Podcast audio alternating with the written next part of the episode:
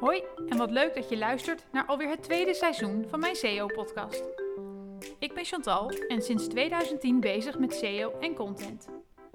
In het eerste seizoen van mijn podcast heb ik verteld waarom ik denk dat we SEO anders aan moeten gaan pakken.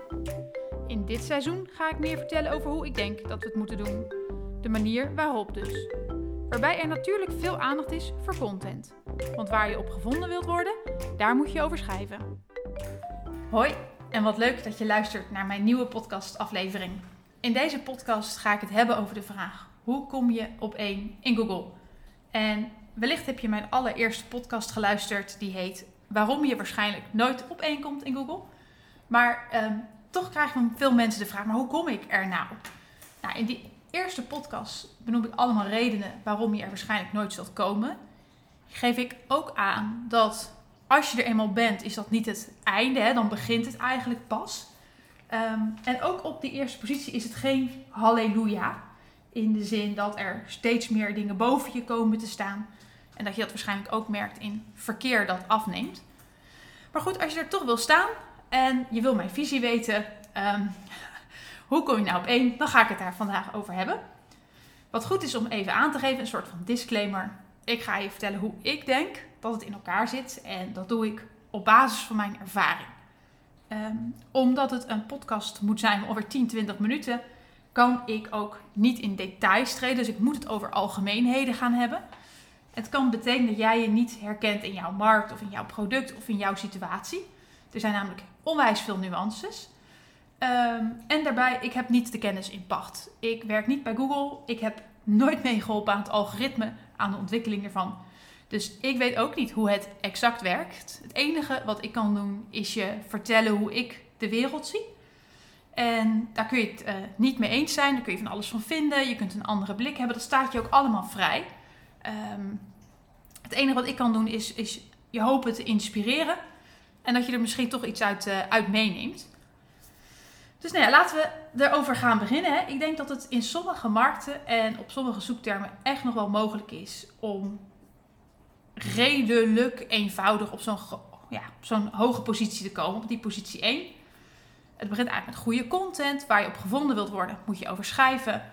Ehm, je moet wat uh, verwijzende links hebben. Ehm, je site moet technisch redelijk goed zijn. En als je intern ook nog slim linkt, kom je een, hele, ja, een heel eind. Dan zijn er wat markten waarin ik denk dat het je eigenlijk bijna nooit meer gaat lukken. Um, en daar bedoel ik mee als je niet tonnen of misschien miljoenen aan budget hebt. En dat zijn de markten, eh, nou, denk aan het woord tablet, het woord iPad, iPhone, SIM-only, autoverzekering, zorgverzekering, maximale hypotheek, dat soort trefwoorden.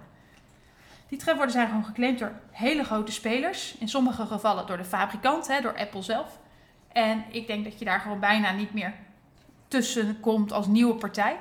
Tenzij je gewoon een gigantische zak geld meeneemt en aan marketing kunt gaan doen. Dan kan je daar prima uh, nog, wel, uh, nog wel komen. Maar goed, dan hebben we het wel echt over een ander kaliber spelers dan wat waarschijnlijk um, naar deze podcast luistert. Um, die grote spelers spelen met elkaar een strijd. En die, voor hen is die eerste positie heel belangrijk. Worden ze ervan afgegooid, dan willen ze die weer terugveroveren.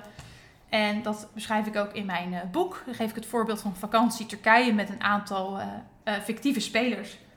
Dat als die ene speler er staat en die andere wil daar gaan staan en het lukt dan en die andere ziet het dan weer, die wil dan weer terug en dat wordt zo'n eindeloze red race, zeg maar. Dus dat is wel het probleem als je in dat soort markten op één komt, komt te staan. Je bent er niet. Nou, en dan denk ik dat er ook heel veel markten zijn waarin je veel kunt, uh, maar wel van hele goede huizen zult moeten komen. En um, ik heb een aantal zoektermen bedacht daarbij. Nou, je kunt denken aan een zoekterm als lingerie, BH, badkamermeubel, fotolijstje, lounge set. Daar kan denk ik een hele hoop op. Um, en dat is natuurlijk ook wel een stukje een gevoelskwestie dat ik dit zeg. Maar het zal niet makkelijk worden. En ik denk dat je alle zeilen bij moet zetten, omdat de concurrentie er ook gewoon graag wil staan. En wat ik eigenlijk het probleem vind, is dat SEO wordt gepresenteerd als een soort van trucje. Met vier knoppen waar je aan kunt draaien. Dat is techniek, je sitestructuur, je content en je linkprofiel. En als jij dat maar beter doet dan de rest of slimmer, dan zou jij daar op één kunnen komen. Nou, en ik denk dat dat een heel lastig verhaal wordt in een uh, wereld waarin er zoveel aanbod is. Kan het bijna niet uit als het op die manier werkt. Dan, ehm, als het zo simpel zou zijn, zou iedereen op één staan. En dat kan gewoon niet. Dus Google moet aanvullende criteria gaan stellen om te kunnen achterhalen wie is hier nou echt de partij die op één zou moeten staan en die dat ook echt verdient. Dus ehm, ik denk dat op een gegeven moment in elke markt onherroepelijk een, een beweging gaat ontstaan dat, het bijna, dat je het bijna niet meer in eigen hand kunt gaan hebben, omdat Google gewoon aanvullende criteria zal gaan hanteren. Nou, dat zie je al bijvoorbeeld uh, uh, met EAT, waar ik zo op doorga. Wat ik nog wil zeggen is ook, het algoritme van Google maakt gebruik van eh, AI en ML, Artificial Intelligence en Machine Learning. En dat zorgt ervoor dat Google nog meer een black box is dan we altijd al, ja, dan het altijd al was. Dus als je nu op één staat, ja, ik weet heel vaak ook niet meer waarom de ene partij nou op één staat en een ander niet. Is dat iets wat je zelf in de hand hebt? Gaat het om iets kleins? Of gaat het erom dat Google gewoon zegt van ja, uit mijn eigen cijfers weet ik dat als ik die partij op één zet, dat voor mij gunstigere dingen gebeuren. Dus, um, want bedenk ook dat Google niet per se je vriend hoeft te zijn in dit verhaal. Maar dat maakt het allemaal nog veel ingewikkelder um, hoe dat hele algoritme werkt en wie er nou op één staat en waarom jij er niet meer staat. Nou, ik had net al wat eh, over die aanvullende criteria. En uh, eh, EAT, dat staat voor uh, expertise, authoritativeness en trustworthiness. En dat zie je vooral in markten op het gebied van your money, your life. Dus ofwel uh, financiën en gezondheid, zeg maar. Nou, en waar Google naar wil kijken, is het in kaart brengen van wie is nou de echte expert. Uh, en dat doen ze aan de hand van online signalen. Wie is de echte autoriteit en wie is er betrouwbaar? Nou, dat weet Google niet, want Google kan niet direct met iemand in gesprek, kan dat niet zelf toetsen. Dus is afhankelijk van allerlei online signalen om, dat, uh, om daar een gevoel bij te krijgen. Nou, en dan gaat het erom, uh, publiceer jij op gerenommeerde websites in het vakgebied? Word je door anderen aangehaald als expert? Um, maar ook heel feitelijk, wat is je achtergrond? Wat is je studie? Wat, is je, uh, ja, wat, wat zijn de sporen die je hebt verdiend, zeg maar? Wat is je staat van dienst? En word je ook echt als autoriteit gezien binnen jouw vakgebied? Dus stel nou, um, jij bent hoofdeconoom bij uh, ING. En, of laat ik zo zeggen, je hebt de hoofdeconoom van ING bereid gevonden om artikelen te schrijven, inhoudelijke artikelen kan het zijn dat die beter gevonden kunnen worden in Google dan een artikel wat jij zelf schrijft. Als jij ook econoom bent, maar daar eigenlijk online geen rugbaarheid aan hebt gegeven. Dus ja, die ene daarvan weet Google, hey, dit is een autoriteit, iedereen heeft het erover. Allerlei verschillende websites uh, publiceren zijn naam, hij heeft heel veel geschreven. Deze persoon is betrouwbaar. Dus als die persoon iets schrijft, en dat geldt ook binnen het gebied van gezondheid, dan uh, hecht Google daar waarde aan. En ik denk dat dat ook een goede zaak is. Want als jij kijkt naar informatie over gezondheid um, of financiën, wil je natuurlijk wel dat je bij iemand terechtkomt die ook echt verstand van zaken heeft.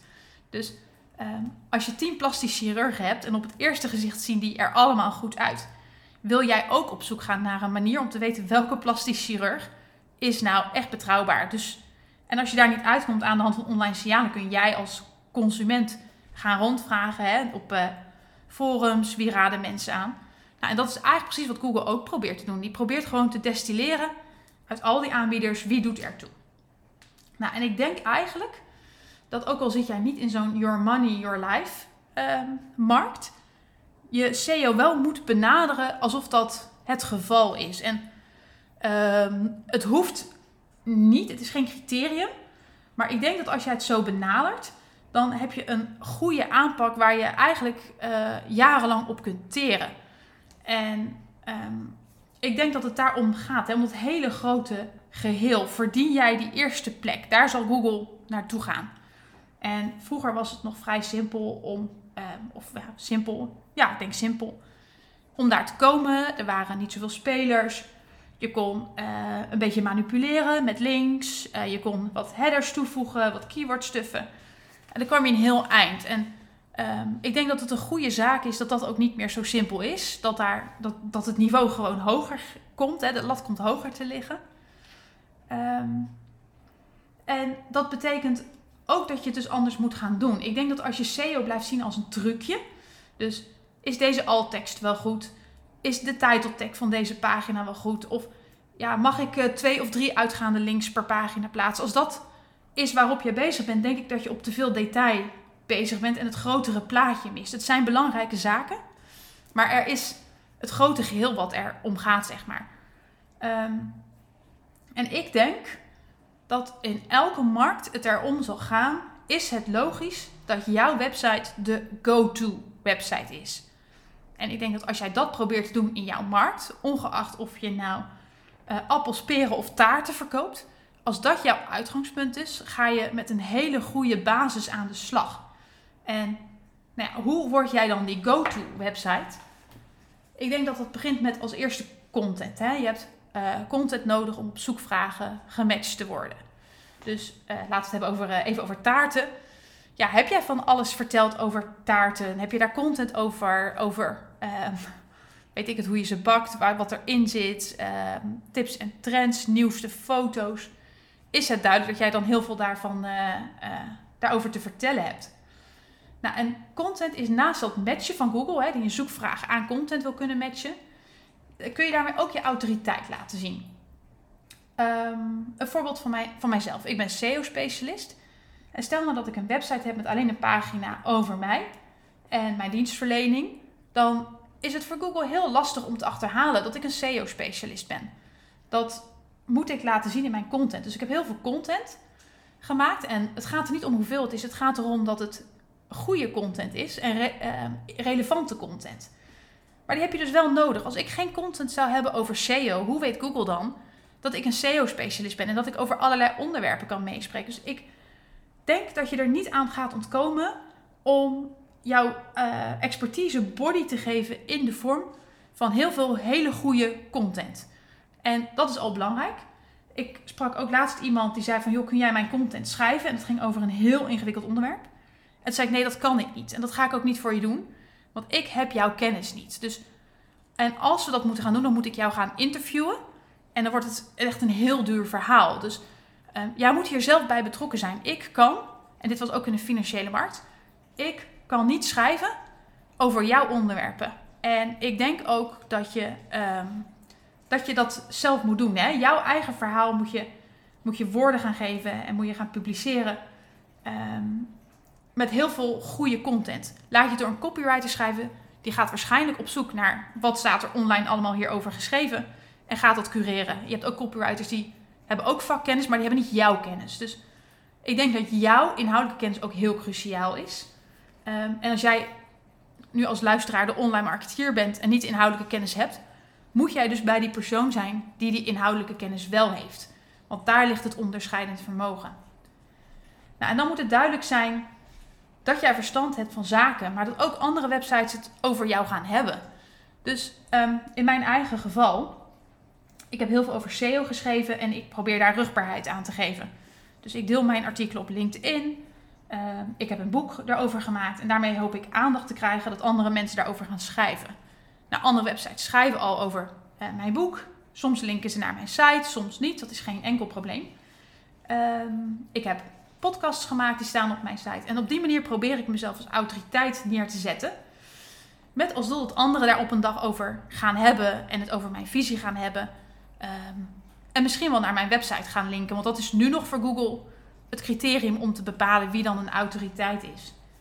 Um, en ik denk dat dat het grote, het grote plaatje is. En wat ik heel veel tegenkom in het vakgebied zijn uh, websites die eigenlijk vinden dat ze op één horen te staan. Terwijl ik denk, is dat eigenlijk wel zo?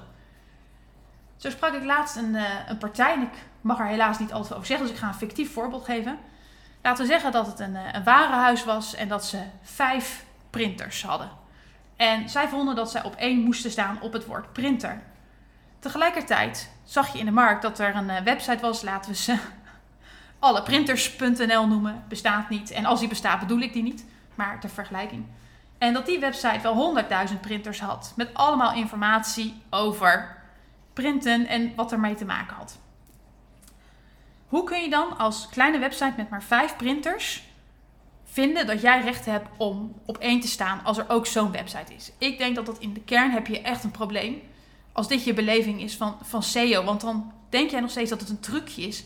En dat je daar maar kunt komen als je meer links gaat beelden. Terwijl die andere partij, uh, als je het logisch bekijkt, veel meer recht heeft om daar te staan. Dus, um, en dat wil niet zeggen dat die andere partij er staat en dat jij daar niet kunt komen. Maar als we kijken naar het grote geheel, is het logischer als die andere partij er staat dan dat jij daar staat. Dus, um, en dat is ook wat Google probeert te achterhalen. Wie hoort hier nou te staan? Nou, een heel mooi voorbeeld van een partij die, uh, waar ik heel veel bewondering voor heb hoe ze dit doen, is Greets, de kaartjespartij. Um, wat je ziet is dat ze eigenlijk altijd aanwezig zijn in de offline media. Dus zij jagen hun bekendheid aan met reclames. Ze hebben, op YouTube hebben ze filmpjes. Maar ook online zijn ze constant aanwezig. Want Google kijkt geen reclame. En kijkt ook niet zozeer naar die filmpjes op YouTube.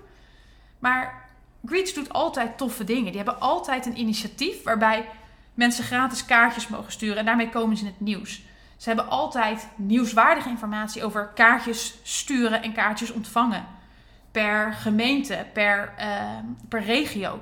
Dus telkens weten zij zich in de kijker te spelen als het gaat om kaartjes sturen. En dat resulteert ook in een enorm sterke positie. Ik zal niet zeggen dat ze op alles op één staan. Dat heb ik ook net even gecheckt en dat is niet op alles zo. Maar ik denk dat zij wel een hele mooie basis hebben um, en online bekendheid hebben opgebouwd om die topposities te kunnen gaan claimen.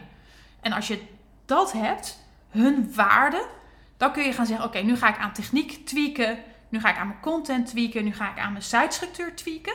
Om te kijken of ik dan op die topposities kan komen. Maar daarvoor hebben zij echt al heel veel werk verzet. En ik zeg eigenlijk altijd tegen iedereen dat je dat moet willen gaan verzetten, dat die hoeveelheid werk. Um, en daarna kun je dat gaan, uh, wat ik zei, beter gaan verdelen of tweaken. Um, dus ja, als jij op één wilt staan, op laten we zeggen een woord als tuinmeubels, vind ik dat jij jezelf de vraag moet stellen als eerste: heb ik voldoende assortiment om die positie te mogen claimen, om daar te kunnen staan? Of heeft een concurrent gewoon meer en een beter assortiment? Ben jij de specialist op het gebied van tuinmeubels? Blijkt dat uit jouw website? Blijkt uit, dat uit wat jij deelt, uit de content die je maakt over de filmpjes, de inspiratie, een blog? Uh, en sta jij bekend als tuinmeubelspecialist of niet? Um, en verwijzen anderen ook naar jou als ze het over tuinmeubelen hebben. Als iemand nou zegt van joh, als je een tuinmeubel zoekt, moet je bij die partij zijn. Ik denk dat als jij die positie in de markt hebt weten te creëren, ja, dan mag je op een gegeven moment zeggen: waarom sta ik niet op één? Um, tot die tijd, als jij niet alles aan hebt gedaan om deze autoriteit te claimen, zou je eigenlijk mogen vragen: waarom sta ik niet op één? Dan um, heb je duidelijk nog heel veel werk aan de winkel. En dat bedoel ik met SEO is geen, geen trucje waar je aan wat knoppen draait. En nogmaals, hè, in sommige markten zal het echt nog wel werken. Maar ik denk dat je SEO moet gaan aanpakken alsof dat niet meer werkt. En alsof je voor het grotere geheel gaat. Dan ben je voor de toekomst een, een goede basis aan het leggen. Dus als jij mij vraagt van, goh, ik wil op één komen. Uh, wat moet ik nou doen? Dan zeg ik, wat mij betreft zijn er twee hygiënefactoren. Dat is de content op jouw website. Blijkt eruit dat je echt verstand van zaken hebt. Heb je over alles geschreven heb jij goede, vernieuwende content? Um, en, en is het uh, interessant en relevant, nieuwswaardig, opvallend? En de tweede is, sta jij bekend als specialist in jouw markt? En dat kan zijn om je kennis, je service, je informatie, statistieken, data. Het maakt me niet uit wat jouw invalshoek is. Heb je jezelf in de kijker gespeeld om, uh, om jezelf als autoriteit neer te zetten? En ik denk dat content en um, dat die specialisme, hè, daar als specialist bekend staan, dat dat hand in hand zal gaan. Als jij hele goede content maakt en dat weet te verspreiden via oprechte outreach, dus niet linkbuilding outreach, maar echte outreach, dan um, kun je dat dus gebruiken om jezelf in die schijnwerper te zetten. En mijn grootste irritatie is denk ik partijen die op één willen staan maar niet all the way willen gaan. Dus als jij alleen maar bezig bent met een beetje content optimaliseren, een keywordje toevoegen, een title tagje tweaken, als jij niet bereid bent om er meer voor te gaan doen, om goede dingen te maken, goede content te maken, op die bühne te gaan staan en jezelf in die spotlight te zetten, um, dat vind ik eigenlijk heel irritant. En zeker als je een hele grote partij bent, ehm, maar dan ook niet die toffe dingen wil doen. Dan denk ik, ja, weet je, ik denk dat dat, dat dat gewoon heel lastig wordt. Zeker als jouw concurrent het straks wel wil gaan doen.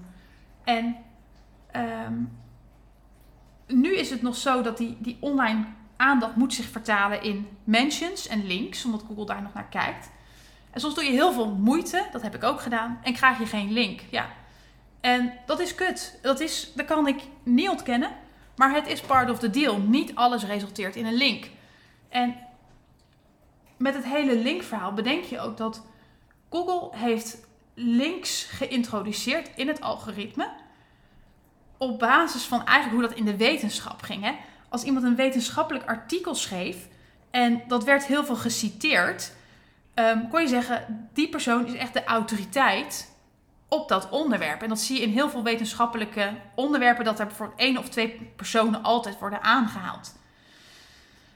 Nou, Google heeft dat geïntegreerd in het algoritme om te bepalen wie er nou dan uh, relevant zou moeten zijn.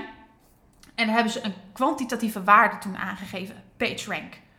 En dat is eigenlijk doorgeschoten en opeens was die, die kwalitatief, het kwalitatieve kenmerk van wie is nou toch de expert, heeft zich vertaald in iets kwantitatiefs en is een eigen leven gaan leiden. En wat je nu ziet is dat mensen bijvoorbeeld aan het linkbeelden zijn om die kwantitatieve metric op te pompen, maar de kwalitatieve achtergrond uit het oog verloren zijn. En ik denk dus, als ik zeg SEO is geen trucje, bedoel ik dus ook dat je niet op die kwantitatieve, op dat cijfer moet richten, maar op die kwalitatieve, dat kenmerk van ben ik de autoriteit. Ehm, en Google heeft het al jaren niet meer over uh, PageRank. Ze zeggen zelfs dat ze ook geen waarde hebben om aan een uh, website te, te geven. Ehm, en ik denk dat het nooit zal veranderen dat ze willen achterhalen wie is nou echt die autoriteit. Alleen de manier waarop ze dat doen, dat verandert met de tijdsgeest ook mee. En met de nieuwe criteria en de nieuwe signalen die zij krijgen. En sta je dus ook niet blind op dingen als... Ja, mijn domeinautoriteit is hoger van die concurrent en ik sta er dus niet. Nee, dat... Weet je, benader het nou van die kwalitatieve kant. Ehm, heb, heb jij toffe verwijzingen van andere websites? En zijn die ook een autoriteit binnen jouw vakgebied? Of zijn dat toch geen, geen websites die er echt toe doen? En ik denk dat je daar heel kritisch op moet, uh, moet zijn. Dus kort samengevat, ik denk dat jij, het begint bij je onderscheiden van de rest. En kijken hoe je uiting daaraan kunt geven in de vorm van content. En denk dan aan video's, filmpjes, wikis, whitepapers, podcasts. Het maakt, maakt me eigenlijk niet uit. En alles wat je kunt delen, ja, dat zijn how-to's, statistieken, data, trends, um, uh, visieartikelen waar je experts interviewt. Ook daar maakt het me eigenlijk, eigenlijk niet uit. Het gaat erom heb jij interessante informatie en weet jij die om te zetten naar publiciteit, naar online aandacht van andere spelers? Want ik zeg altijd, SEO is in hele grote mate, in mijn beleving, het gevolg van goede marketing. En um, weet jij jezelf in de kijker te spelen en weet je waarde toe te voegen. En als je dat eenmaal voor elkaar hebt, kun je daarna weer verder aan je website optimaliseren en tweaken. Dus technische dingen gaan verbeteren. Je kunt met, je weer met je titeltekst nog beter gaan maken.